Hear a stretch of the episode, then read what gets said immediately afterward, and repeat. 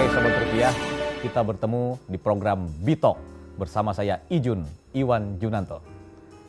Kamu tentu sadar dari pagi bangun tidur hingga tidur lagi, pergi ke sekolah, pergi ke kantor, kita berhubungan dengan berbagai hal yang terkait dengan ekonomi.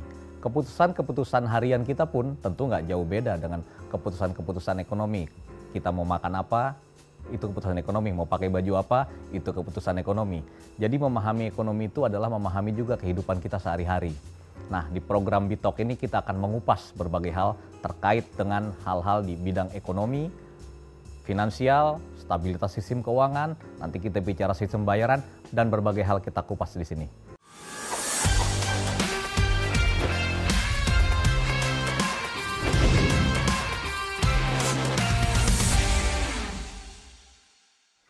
Nah, hari ini kita akan membahas satu hal yang seru nih. Kita bahas soal uh, perkembangan ekonomi ini kan udah menjelang uh, akhir tahun nih. Menghadapi tahun 2020. Nah, kita akan bahas gimana sebenarnya keadaan ekonomi kita ini. Banyak dengar dari berbagai hal, ada hoax, ada kekhawatiran, ada berbagai macam.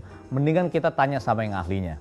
Ini udah ada bersama saya di sini adalah Mas Firman Mokhtar. Nah, ini nih, Firman Mokhtar ini uh, beliau ini adalah direktur di Departemen Riset Ekonomi dan Kebijakan Moneter Bank Indonesia. Jadi aslinya nih ekonomis ya, Bang Firman ya.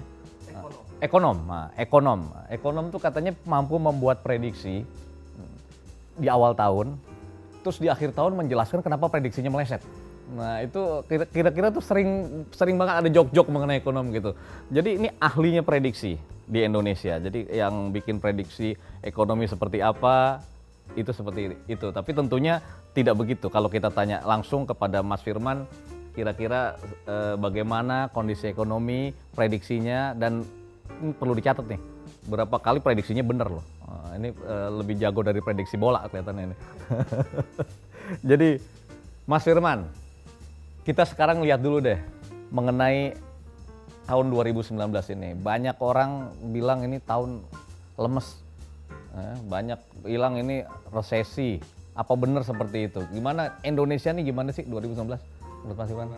Uh, makasih Kak Ijun, uh, juga uh, Sobat Rupiah. Ada dua kata yang bisa kita sampaikan di tahun 2019 soal ekonomi Indonesia adalah Indonesia ini berdaya tahan. Maknanya apa berdaya tahan? Karena kalau kita lihat di luar sana, ekonomi dunia itu lagi nggak bagus. Hmm, gitu. Lagi nggak bagus karena ada ketidakpastian yang dipicu disebabkan oleh intensitas hubungan dagang yang nggak bagus antara Tiongkok sama US. Hmm, itu daya tahan kayak daya tahan tubuh gitu misalnya? Daya tahan tubuh. Jadi kalau mereka ada goncangan, akibatnya apa? Akibatnya kalau kita mau jualan keluar, kalau sehari-hari kita sebut ekspor, itu yang mau beli sedikit. Hmm, gitu ya. Kalau yang mau beli sedikit, akhirnya apa?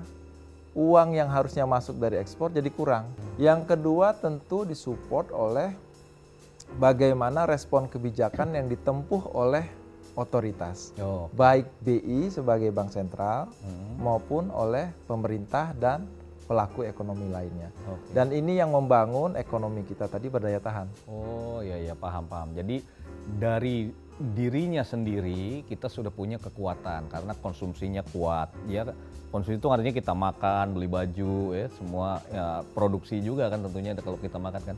Risiko yang muncul karena global tadi yang menimbulkan ekspor kita menjadi uh, menurun dibandingkan sebelumnya, ini ditutupi oleh kemampuan domestik. Jadi konsumsi rumah tangga, Kak Ijun sering shopping, itu mendorong eh, perilaku daya beli, kegiatan ekonomi, dan akhirnya produksi juga naik. Benar-benar. Memang kalau eh, dalam kondisi ekonomi lemah nih shopping bagus juga kayaknya. Ya. Makanya Harbolnas segala macam tuh harus sering-sering shopping kita tuh. Sopru tuh ingat nih kalau dulu tuh ada istilah hemat mangkal kaya gitu kan.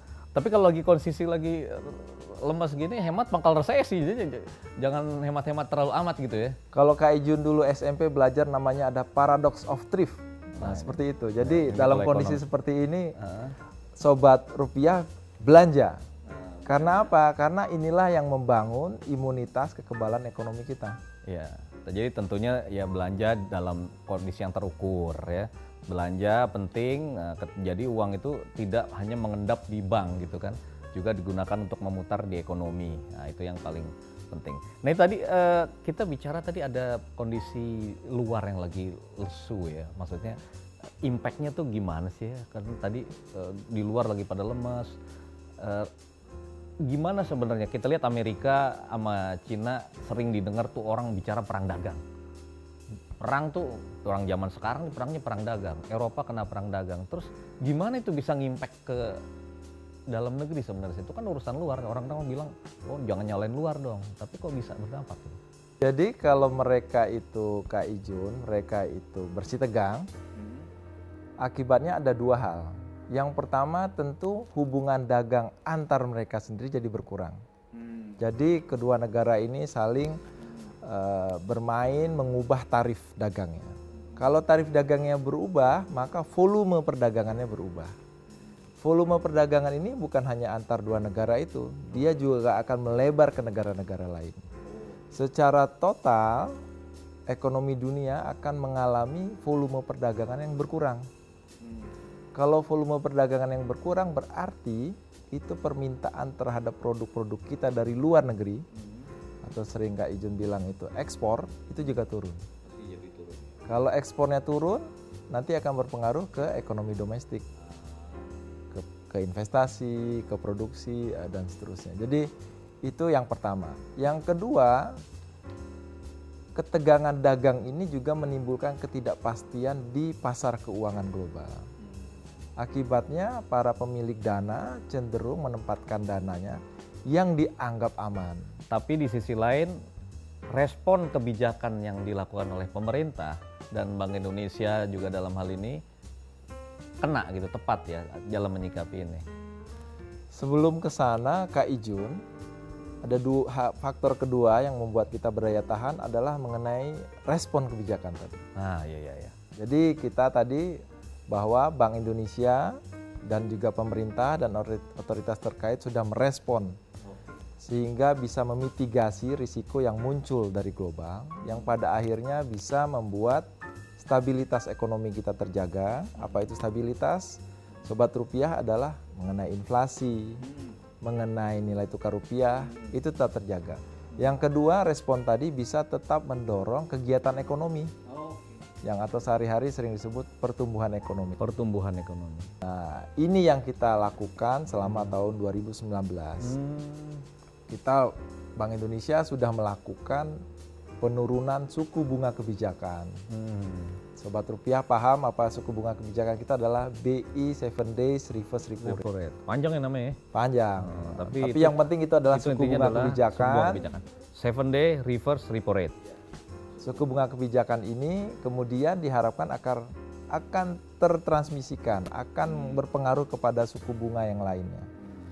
Nah, BI juga sudah menurunkan 100 basis point giro wajib minimum. Jadi itu berapa banyak uang yang harus ditempatkan di bank sentral yang dimiliki oleh uh, bank umum. Dan juga BI sudah melakukan pelonggaran kebijakan di makroprudensial. Jadi secara singkat, Kak Ijun memang respon kebijakan ini juga uh, berkontribusi kepada menjaga stabilitas dan mendorong pertumbuhan ekonomi. Bagaimana kita melihat ke depan? Tentu sekali lagi adalah bagaimana kita membangun optimisme. Bank Sentral BI sudah melakukan respon, pemerintah juga sudah memberikan stimulusnya. Kemudian kita juga melihat ke depan ini ekonomi dunia akan lebih baik. Jadi uh, uh, ketegangan dagang tadi kita harapkan juga semakin berkurang.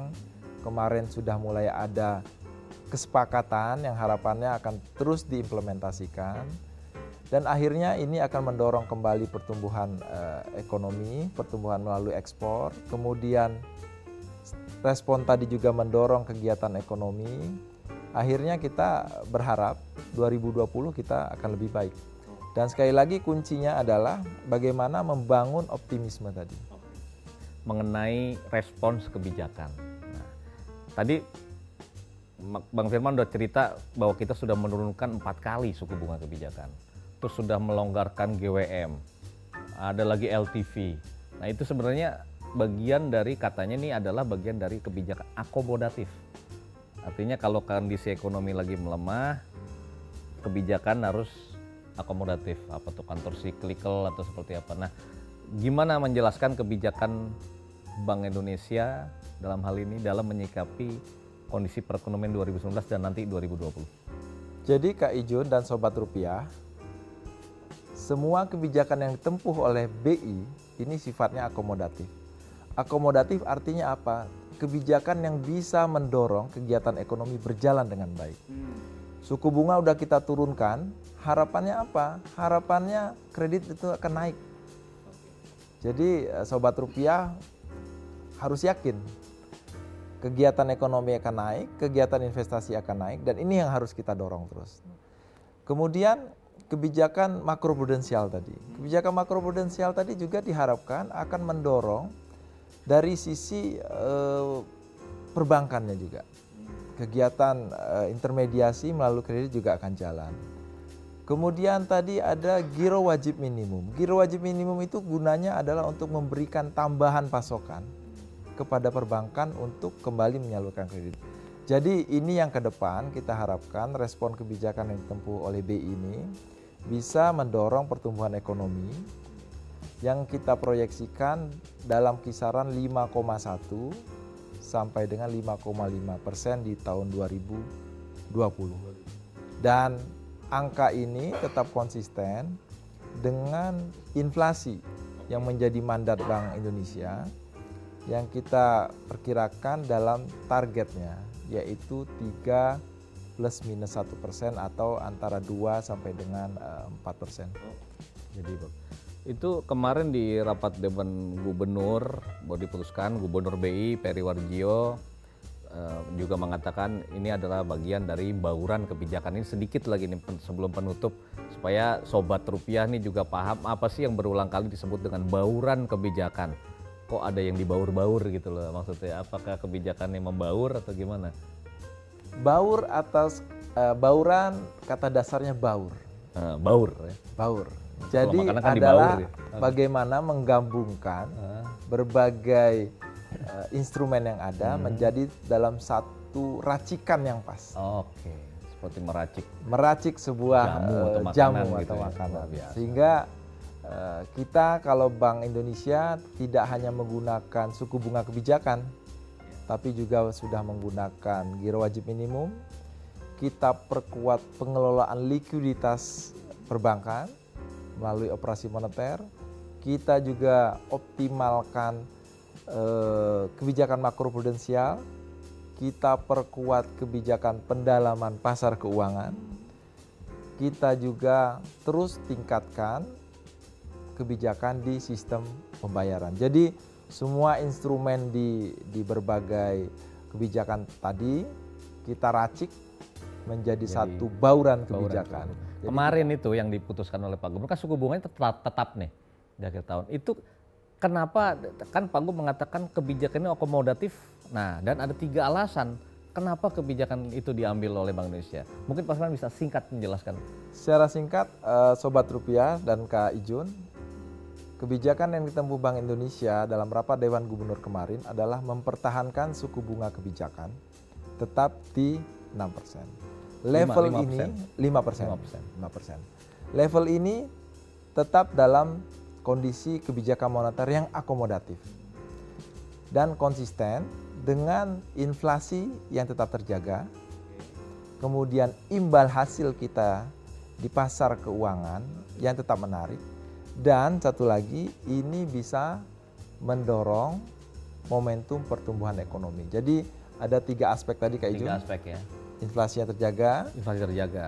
Imbal hasil imbal di hasil. aset pasar nah, keuangan. Inflasi terjaga ini artinya kita tidak khawatir dengan level inflasi ya, sekarang ya, sehingga jadi, kita bisa akomodatif gitu ya. Jadi level yang sampai saat ini 5% tadi hmm. itu konsisten dengan inflasi yang sesuai target. Inflasi sesuai target yaitu 3 setengah 2 sampai dengan eh, 4 persen. 2 sampai dengan 4 persen ya. Kemudian ini juga level yang memberikan daya tarik Daya untuk tarik. penanaman modal. Nah, yang ini asing. alasan kedua. Alasan kedua, Artinya eh, eksternal. eksternal. Artinya dengan suku bunga sekarang ini Ya, itu dan konsisten. asing masih tertarik Asing untuk masih masuk. tertarik. Yang kedua itu ingat tuh. Yang ketiga adalah level ini bisa mendukung, mendorong, Mendorong pendorong pertumbuhan ekonomi. pertumbuhan ekonomi. Jadi ini tiga uh, alasan penting kenapa kemarin diputuskan kebijakan seperti itu. Dan ini tiga ini sudah beberapa bulan kita uh, teruskan ingatkan juga kepada Sopru,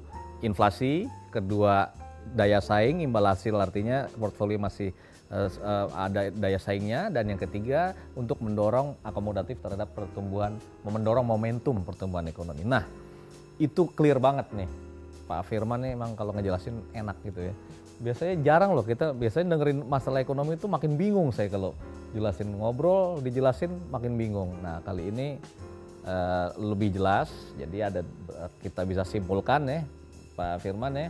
Pertama kita tetap optimis karena punya daya tahan tadi yang sangat bagus imunitas ke depan juga tetap optimis dan respons kebijakan Bank Indonesia serta pemerintah hand in hand sinergi untuk memberi dukungan kepada ekonomi. Jadi sobat rupiah jangan terlalu termakan oleh isu-isu atau pesimis terhadap ekonomi. Kita tetap optimis. Jadi kelihatannya kita eh, edisi Bitok kali ini eh, cukup bisa dipahami oleh para sobru. Terima kasih banyak nih Pak Firman Mohtar, Direktur eh, Kebijakan Ekonomi Moneter Bank Indonesia. Jadi kalau orang bertanya, bertanyalah pada yang ahli. Nah, ini kira-kira kita pas banget. Dan saya kenal sekali Pak Firman ini sudah lama sekali bergelut di bidang ekonomi dan salah satu ekonom andalan dari Bank Indonesia. Pak Firman, sebelum kita tutup acara, ini ada kopi. Ini salah satu produk andalan Indonesia ekspor. Mari kita ngopi dulu, gitu kan?